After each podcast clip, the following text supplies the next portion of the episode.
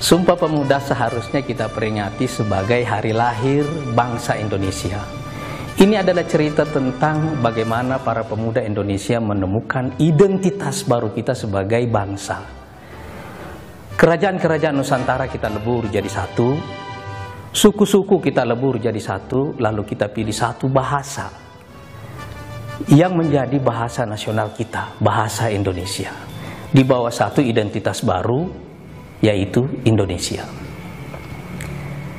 Ini membuktikan bahwa pemuda dalam sejarah selalu merupakan garda depan yang melakukan perubahan-perubahan besar. Dunia saat ini sedang mengalami goncangan-goncangan besar karena perubahan demografi dan generasi teknologi baru telah memporak-porandakan seluruh tatanan sosial, ekonomi, dan politik dunia. Dunia sedang membutuhkan satu solusi baru. Saya yakin pemuda Indonesia sebagai warga dunia bisa ikut memberikan kontribusi dan menemukan solusi baru bagi dunia. Ayo, kobarkan semangat Indonesia.